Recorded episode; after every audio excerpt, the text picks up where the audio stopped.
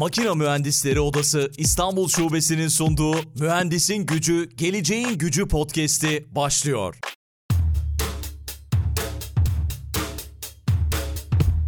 Mühendisin Gücü, Geleceğin Gücü podcast'inin yeni bölümünden herkese merhaba. Üçüncü sezonda yine dünya üzerinden, Türkiye'den başarılı mühendislerimizi konuk etmeye devam ediyoruz.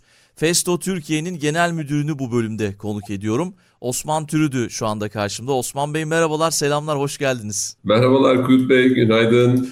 Merhaba. Günaydın diyoruz tabii ama yani podcast sonradan da dinlenebilen bir bir format olduğu için şu anda biz bunu çok sabahın erken saatlerinde kaydediyoruz. Biz eğer sabah dinliyorsanız günaydın, hangi saatte dinliyorsanız da bizim için günaydın. Öyle bir bölüm oluyor. Ee, hoş geldiniz bir kez daha. Ee, çok çok sağ olun kabul ettiğiniz için, bu bölüme katıldığınız için. Ben çok teşekkür ederim nazik davetiniz için. Rica ediyoruz. Bu bölümde tabii Festo Türkiye'de siz uzun yıllardır çalışıyorsunuz bir mühendis olarak. Biraz kariyerinizi anlatarak başlayın istiyorum. Bizi çünkü her kesimden mühendis dinliyor. Yeni başlamış olabilir, kariyerine yeni adım atmaya çalışan olabilir ya da öğrenci olabilir. İsterseniz biraz kariyerinizde başlayalım. Tabii ki Yakut Bey.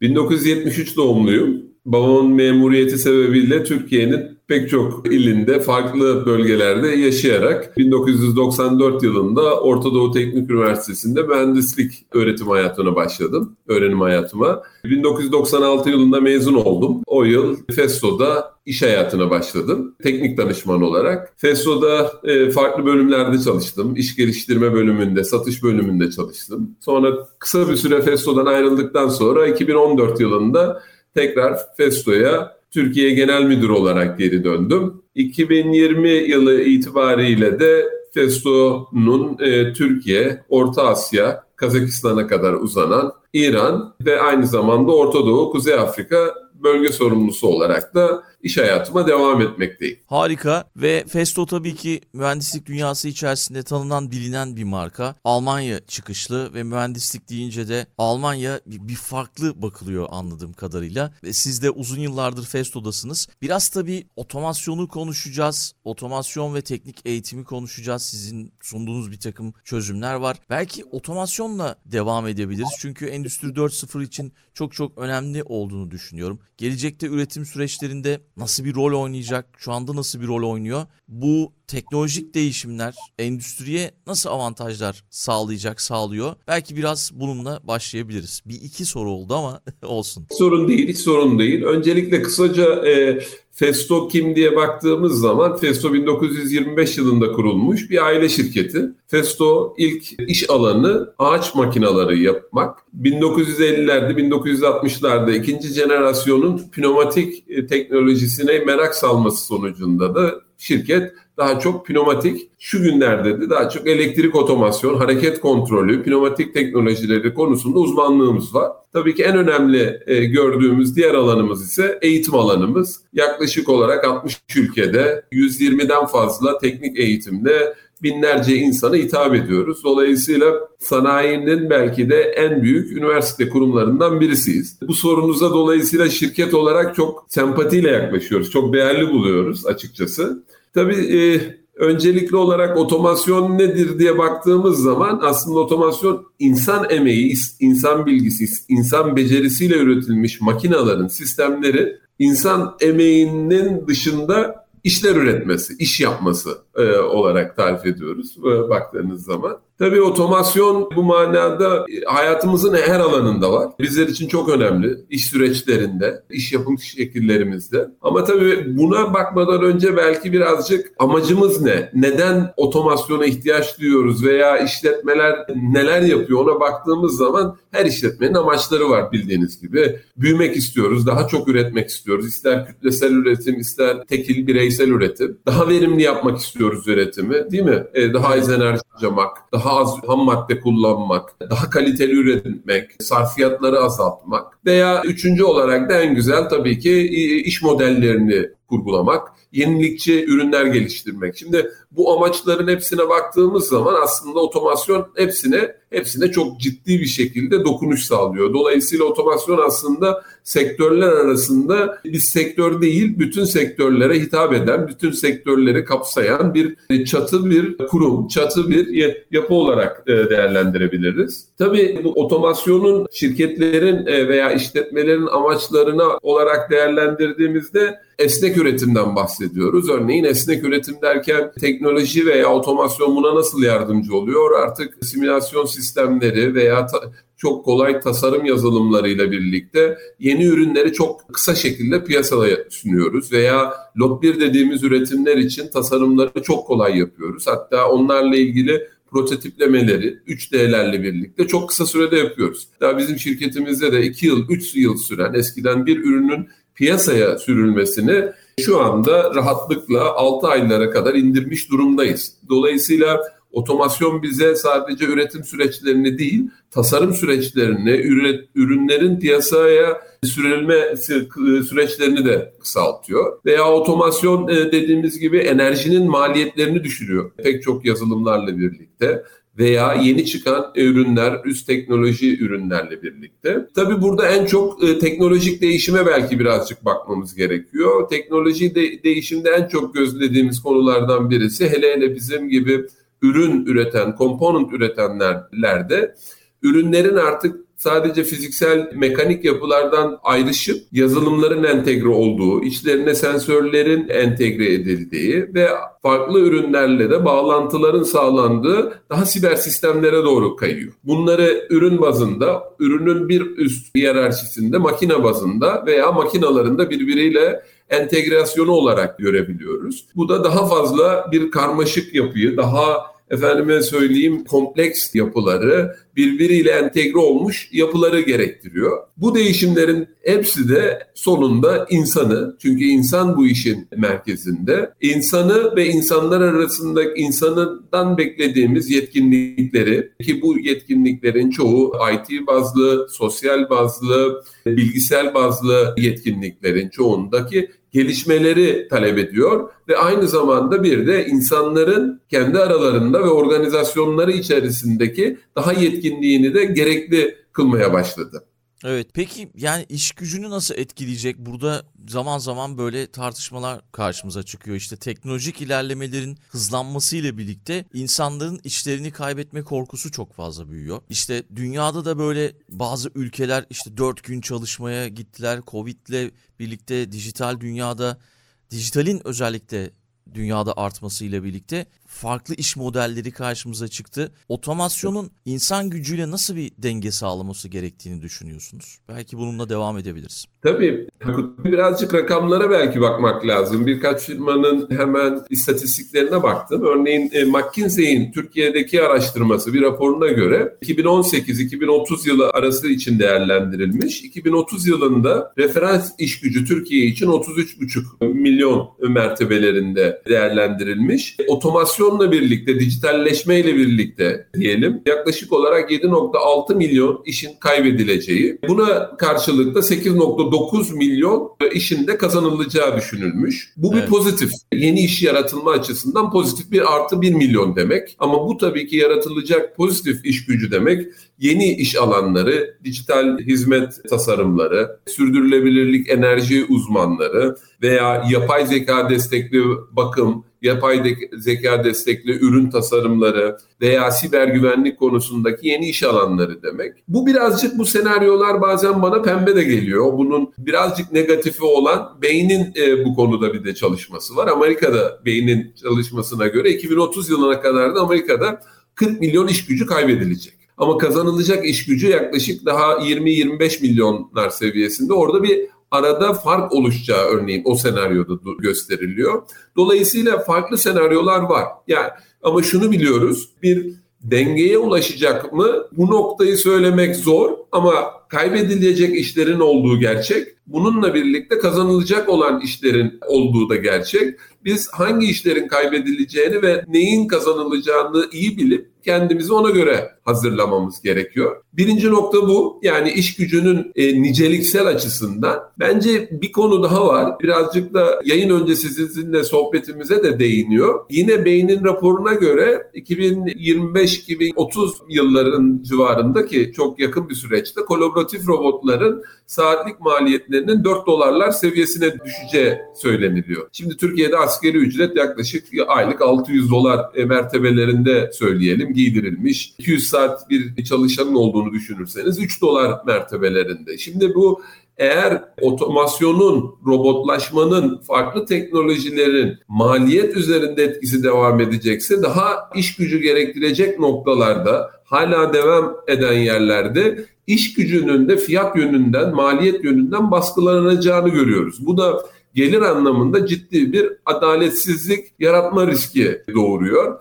Dolayısıyla iki açıdan bir toplam iş gücünün niceliksel değerleri açısından bir de gelir e, açısından bu konuyu değerlendirdiğimizde bunun dengeye kavuşması sadece otomasyon ve teknolojik alanda değil bence sosyal, daha politik ve ekonomik alanlardaki bir dengeleme ile beraber olacağını düşünüyorum. Ki bunun da yapılması gerektiğine inananlardanım. Çünkü çok toz pembe özellikle de e, gelişmekte olan ülkeler için eğitim sisteminin altyapısını tam kurmamış ülkeler için daha fazla riskler taşıdığını düşünmekteyim. Kesinlikle ben de katılıyorum. Eğitim demişken bu arada Festo teknik eğitim konusunda da eğitimler veriyor evet. uzun yıllardır. Az önce satır arasında söylediğiniz 1915'ten ve düzeltiyorum 1925'ten beri Festo bir aile şirketi olarak karşımızda ve Almanya'da da böyle benim özel ilgi alanım açıkçası. Böyle 100 yıllık şirketler gördüğüm zaman şaşırıyorum ve bir aile şirketinin böyle ne kadar sürdürülebilir bir şekilde devam etmesi ilginç geliyor bana. Bir ara bunları araştırmayı da düşünüyorum açıkçası. Belki onu da söylersiniz bir hikayesi varsa anlatırsınız. Merak ettiğim için soruyorum. Teknik eğitim konusunda gelecekteki iş gücü için teknik eğitim ne kadar önemli olacak? Belki belki bununla devam edebiliriz. Bu da önemli diye düşünüyorum. Kesinlikle çok çok önemli. Aykut Bey bazı temel noktaları da kaçırmamamız gerekiyor. O bu, bu arada gelecek açısından günümüzde de konuyu değerlendirdiğimizde temel olarak biz yetkinlikleri nasıl değerlendiriyoruz? Üç ana gruba alıyoruz. Bir bilgi, iki beceri setleri ve üç kültür, davranış, e, sosyal e, beceriler olarak. Özellikle bu üç alanda da çok ciddi gelecekte değişimlerin yaşamasını bekliyoruz. Burada özellikle dikkat edilmesi gereken noktanın ileride yani e, hele hele bunu şirketler bazında düşünecek olursak biraz önce konuştuğumuz bir stratejik yol haritası olarak değerlendirdiğimizde 5 yıl, 10 yıl sonra şirket nereye gitmek istiyor? şirketin buraya gitmek isterken hangi insan kaynaklarıyla, hangi güçle gidecek ve bu insan kaynağının beceri setleri, bilgi setleri nasıl olacak? Bunun bir kere değerlendirilmesi çok net bir şekilde yapılması gerekiyor. Festo bu arada Almanya'da Schanhausen tesislerinde bunu yaptı. Biz de Festo Didaktik olarak bu konuda hizmetler de veriyoruz. Nasıl hizmetler veriyoruz? Çalışanların yetkinliklerinin değerlendirmesini yapıyoruz özel testlerle. Hangi durumda olduklarını belirliyoruz. Firmalarla birlikte oturup konuşarak onların gelecekte olması gereken istenilen yetkinliklerini beraberce karar vererek onlara uygun eğitim programları ortaya çıkarıyoruz. Çünkü zaman değerli ve eğitimlerde baktığınız zaman toplam maliyet açısından da hassas bir şekilde incelenmesi gerekiyor insanlarımızın motivasyonu, onların bağlılıklarını arttıran çok temel unsurlardan birisi. Bunu güzel bir şekilde planladığınız zaman bu hem insanın gelişimi için hem o gelişimi sağlarken o gelişimin şirketin stratejik hedefleri için fayda sağlamasına katkı bulunduruyor ve bu konuda da büyük bir ilerleme kaydedebiliyorsunuz. Yine burada belki çok gelecek için değil ama biz en çok dikkat ettiğimiz konulardan birisi özellikle insan açısından T insan. T insan tanımını çok seviyoruz. Bu yeni bir tipte evet. tanım da değil değil mi? Japonların yıllar önce tanımladığı bir tanım. Pek çok noktadan gelecekte insanların belli noktaları hissedebilmesi, belli noktalarda konuşulan dil anlayabilmesi ama bir konuda da uzmanlık alanını muhakkak geliştirmesini öngörüyoruz. Bu T insanın kendini geliştirmesiyle de bu insanları bir araya getiren doğru takımlarla da birlikte biraz önce söylediğim stratejik hedeflere ulaşmayı düşünüyoruz. İşin teorik olarak yapılması gereken altyapısının da bunu olduğunu düşünüyoruz. Peki Türkiye'de işletmeler, büyük işletmeler olabilir, kobiler olabilir, küçük işletmeler olabilir. Otomasyon ve teknik eğitim konusunda neler yapıyorlar? Ne durumdalar? Siz nasıl görüyorsunuz? Türkiye'de pek çok işletmenin oldukça iyi olduğunu görüyoruz. Tabii öncelikli olarak büyük işletmeler Türkiye'de ciddi önem veriyor. Beyaz eşyada, otomotiv sanayisinde çok ciddi işletmeler var Türkiye'de ve inanın bu alanda eğitim alanında ve insanlarına eğitim verme ve geliştirme alanında çok çok emekler harcanılıyor. Burada ama bir konuyu da e, altını çizmek isterim. Eğitimi niye yapıyoruz? Aslında eğitimi e, bir bir şekilde sonuçta değer üretmesi için yapıyoruz. Öğrenme için yapıyoruz. Şimdi öğrenme nasıl oluyor diye baktığınız zaman aslında Aykut Bey öğrenmenin %10'u ancak eğitimle geliyor. Yani %10'u seminerlerle efendim katıldığınız toplantılarda veya diğer online araçlarla öğrendiğinizde oluyor. Öğrenmenin %20'si ise projelerle meydana geliyor. Yani bir konuyu öğrendiniz yandan proje yönetimi olarak veya direkt o projeden sorumlu olarak bu işi yönettiğinizde e, veya yönetmeye başladığınızda efendim öğrenebiliyorsunuz. Ama işin %70'lik kısmı yani işi yaparken öğrenebiliyorsunuz. Şimdi bu noktada bir Festo'nun da temel prensibi bu veya Festo'yu da bırakalım bu topraklara has. Bundan yıllar önce, bin yıl önce Asurluların baş mühendisi İsmail El Cizeri'nin çok güzel bir sözü var. Denenmemiş bilgi doğru ile yanlış arasında bir yerdedir. Dolayısıyla buradaki temel nokta deneme yaparak, daha çok cesaretle işin üstüne giderek, öğrenileni uygulayarak, hatta bazen önce uygulayarak daha sonra işin teorisini öğrenerek dengelemeyi sağlayarak eğitimi ve öğrenmeyi geliştirmemiz gerekiyor. Türkiye'de birazcık iyileştirmemiz gereken nokta bence buradaki cesaret noktası işletmelerde. Bu da sadece çalışanların değil aynı zamanda yöneticilere de düşen bir görev. Daha fazla yetkiler, daha fazla personelin yetkinlikler kazanması için onları cesaretlendirme, daha fazla haklar sunma konusunda ben önemli buluyorum. Dolayısıyla Türkiye'de gidişat bu yönden güzel. Çok güzel örnekler var. Ama e, iyileştirilebilir mi? Geleceğe doğru duyulan ihtiyaç fazla mı? Daha fazla. Bunu hızlandırmamız gerekiyor. Kesinlikle ben de katılıyorum. Bu arada yeri gelmişken söyleyeyim yani öğrenmeden, eğitimden bahsettik. Makine Öğrenme Merkezi, Makine Mühendisleri Odası İstanbul evet. Şubesi'nin hayata geçirdiği bir proje. Öğrenmemerkezi.com üzerinden üyeler ulaşabiliyorlar. Oradan bir sürü eğitim var, online eğitim. Onlara ulaşabiliyorlar ama tabii dediğiniz gibi o uygulama kısmına çok çok katılıyorum. En ufak bir şeyde uygulamadığımız zaman ya da birini anlatmadığımız zaman o hayata geçirmediğimiz zaman çok çok iyi öğrenemiyoruz. Hatta bununla ilgili zaman zaman kişisel gelişimle ilgili okuduğum kitaplar işte Feynman tekniği var biliyorsunuz. E, evet. Çok seviyorum onu ve ben de. gerçekten gerçekten işe yarıyor bu arada yani. Çok çok çok güzel noktaya değindiniz. Yani Feynman tekniğini 45 yaşımda öğrendim, 46 yaşımda öğrendim. Keşke onu okulda öğrenseydim de o kadar okuduğumuz, çalıştığımız noktaların değeri daha fazla olsaydı. Bazı noktaları da yeni nesile, yeni jenerasyona, topluma bir an önce aktarmalıyız ki zaman kaybını önlememiz gerekiyor Aykut Bey. Kesinlikle ben de katılıyorum. Peki birazcık Endüstri 4.0'ın getirdiği yeniliklerden bahsedelim. İşte şirketler, kobiler ya da büyük şirketler buna adapte olmaya çalışıyorlar. Hatta geçtiğimiz günlerde okuduğum bir makalede ya yeni bir devrimin içerisindeyiz şu anda gibi bir söylem bilmiyorum iddialı mı bulursunuz bunu. Bunun içerisindeyiz biz farkında değiliz gibi bir, bir makale okudum. Burada işte yapay zeka gibi dijital ikiz gibi teknolojiler karşımıza çıkıyor. Bu iş gücünün beceri gereksinimlerini nasıl değiştirecek? Az önce biraz bahsettik gerçi ama belki bu yeni gereksinimlere adapte olma konusunda neler yaşanıyor, yaşanabilir? Bu konuda tabii şey Endüstri 4 diyelim ki Almanya'nın kullanmış olduğu terminoloji çok büyük yenilikleri getirme durumunda. Bununla karşılaşıyoruz. Biraz önce saydığımız işletmelerin o temel amaçlarının haricinde bu yeniliklerin getirmesi insanın üzerinde hele hele de merkezi insana koyduğumuz zaman çok büyük talepler ortaya koyuyor.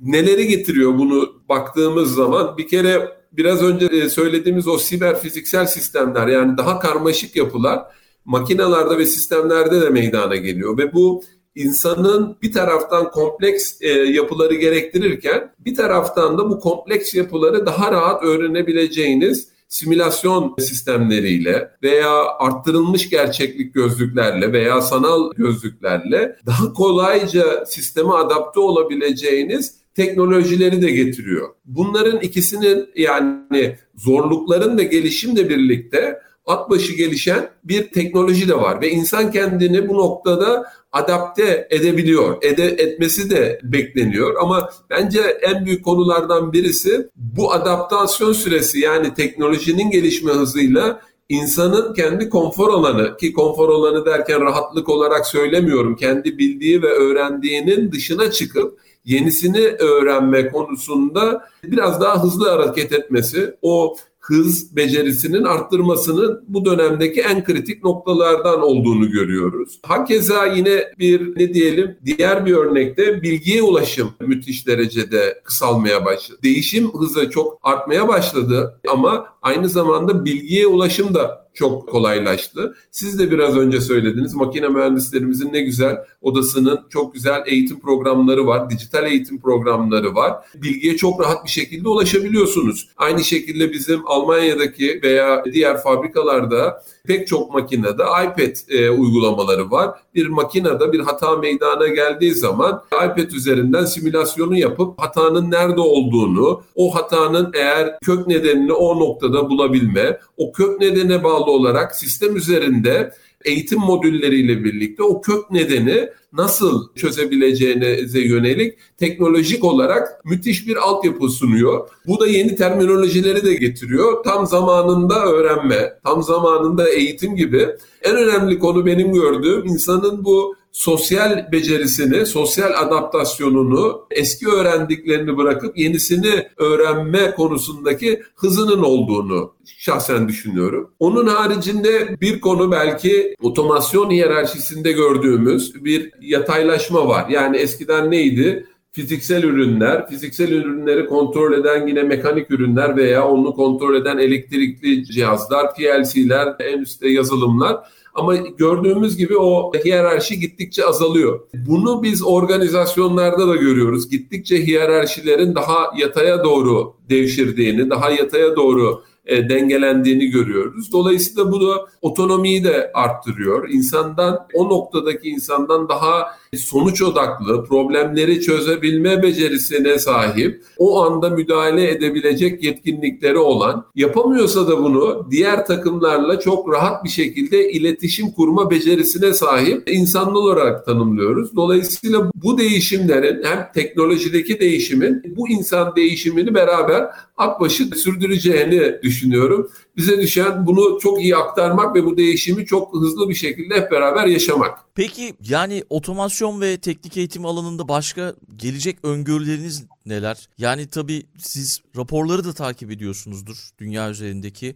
Festo'nun hazırladığı bir takım raporlar da var gördüm. Belki iş dünyasını önümüzdeki dönemde nasıl etkileyecek bu alanda faaliyet gösteren şirketler için böyle bir yol haritası, bir farkındalık yaratmış oluruz sizin öngörülerinizle diye düşünüyorum. Tabii Aykut Bey yani burada bizim gördüğümüz öncelikli olarak bir kere şirketin kendi stratejisine bağlı olarak insan kaynağı stratejisi ve eğitim stratejisini oluşturması gerekiyor. Başladığı nokta ve varmak istediği yer bu noktada teknoloji olarak en çok gördüğümüz, bizim Festo olarak da uyguladığımız artık hibrit sistemleri ağırlıkla görüyoruz. Sadece fiziksel olarak eğitimin katılımı değil, e, hem fiziksel hem hibrit olarak yani dijital olarak bunun desteklendiğini görüyoruz. Örnek arttırılmış gerçeklik gözlüklerle birlikte artık dünyanın her yerinde veya ofisinizde, evinizde istediğiniz eğitimleri neredeyse bir ürüne fiziksel dokunarak e, gerçekleştirebiliyorsunuz. Bunun haricinde yeni teknolojileri öğrenecek çok güzel fiziksel altyapılar var. Bunu güzel örneklerinden bir tanesi Almanya'daki Schanhausen fabrikası fabrikamız.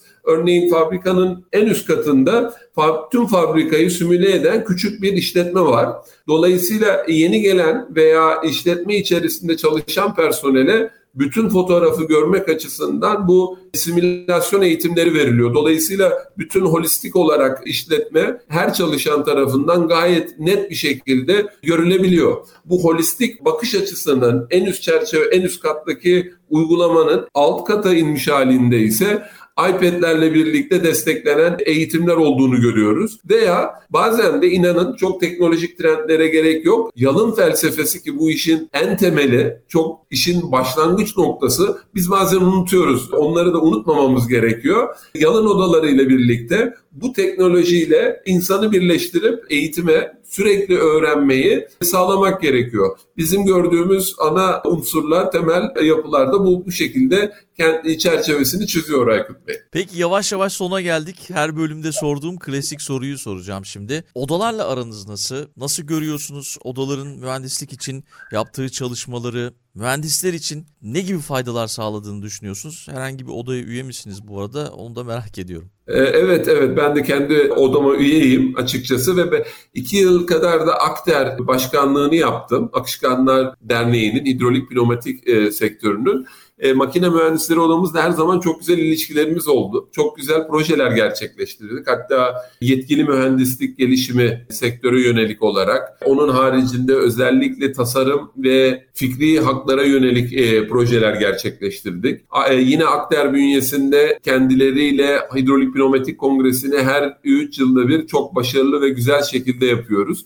Dolayısıyla çok iç içe bir hayatımız var. Oldu da. Ben çok önemli görüyorum STK'ları, bu tür kurumları hem kendi üyeleri için sağlamış oldukları eğitimler, onların haklarıyla ilgili yapılmış olan görüşmeler hem de bunun haricinde diğer paydaşlarla dernekler, sanayi, devlet kurumları veya diğer STK'larla birlikte arada çok önemli bir köprü görevi görülüyor. Bu köprü ve bağlantılılığa ihtiyaçlarımız var Aykut Bey. Türkiye'de de bu bu bağlantıyı arttırmak çok önemli olduğunu düşünüyorum. Bu manada da makine mühendisleri odası çok önemli bir görev düşüyor ve bunu da layıkıyla yerine getirdiklerini düşünüyorum. Kesinlikle çok çok teşekkür ediyorum bu bölümde konuğumuz olduğunuz için, katıldığınız için çok değerli bir yayın oldu. Eminim ki çok güzel geri dönüşler alacağız Osman Bey. Çok çok sağ olun. Çok teşekkür ederim nazik davetinize. Çok sağ olun Aykut Bey. Teşekkürler. O zaman son sözü size bırakıyorum. Mühendisin gücü, geleceğin gücü.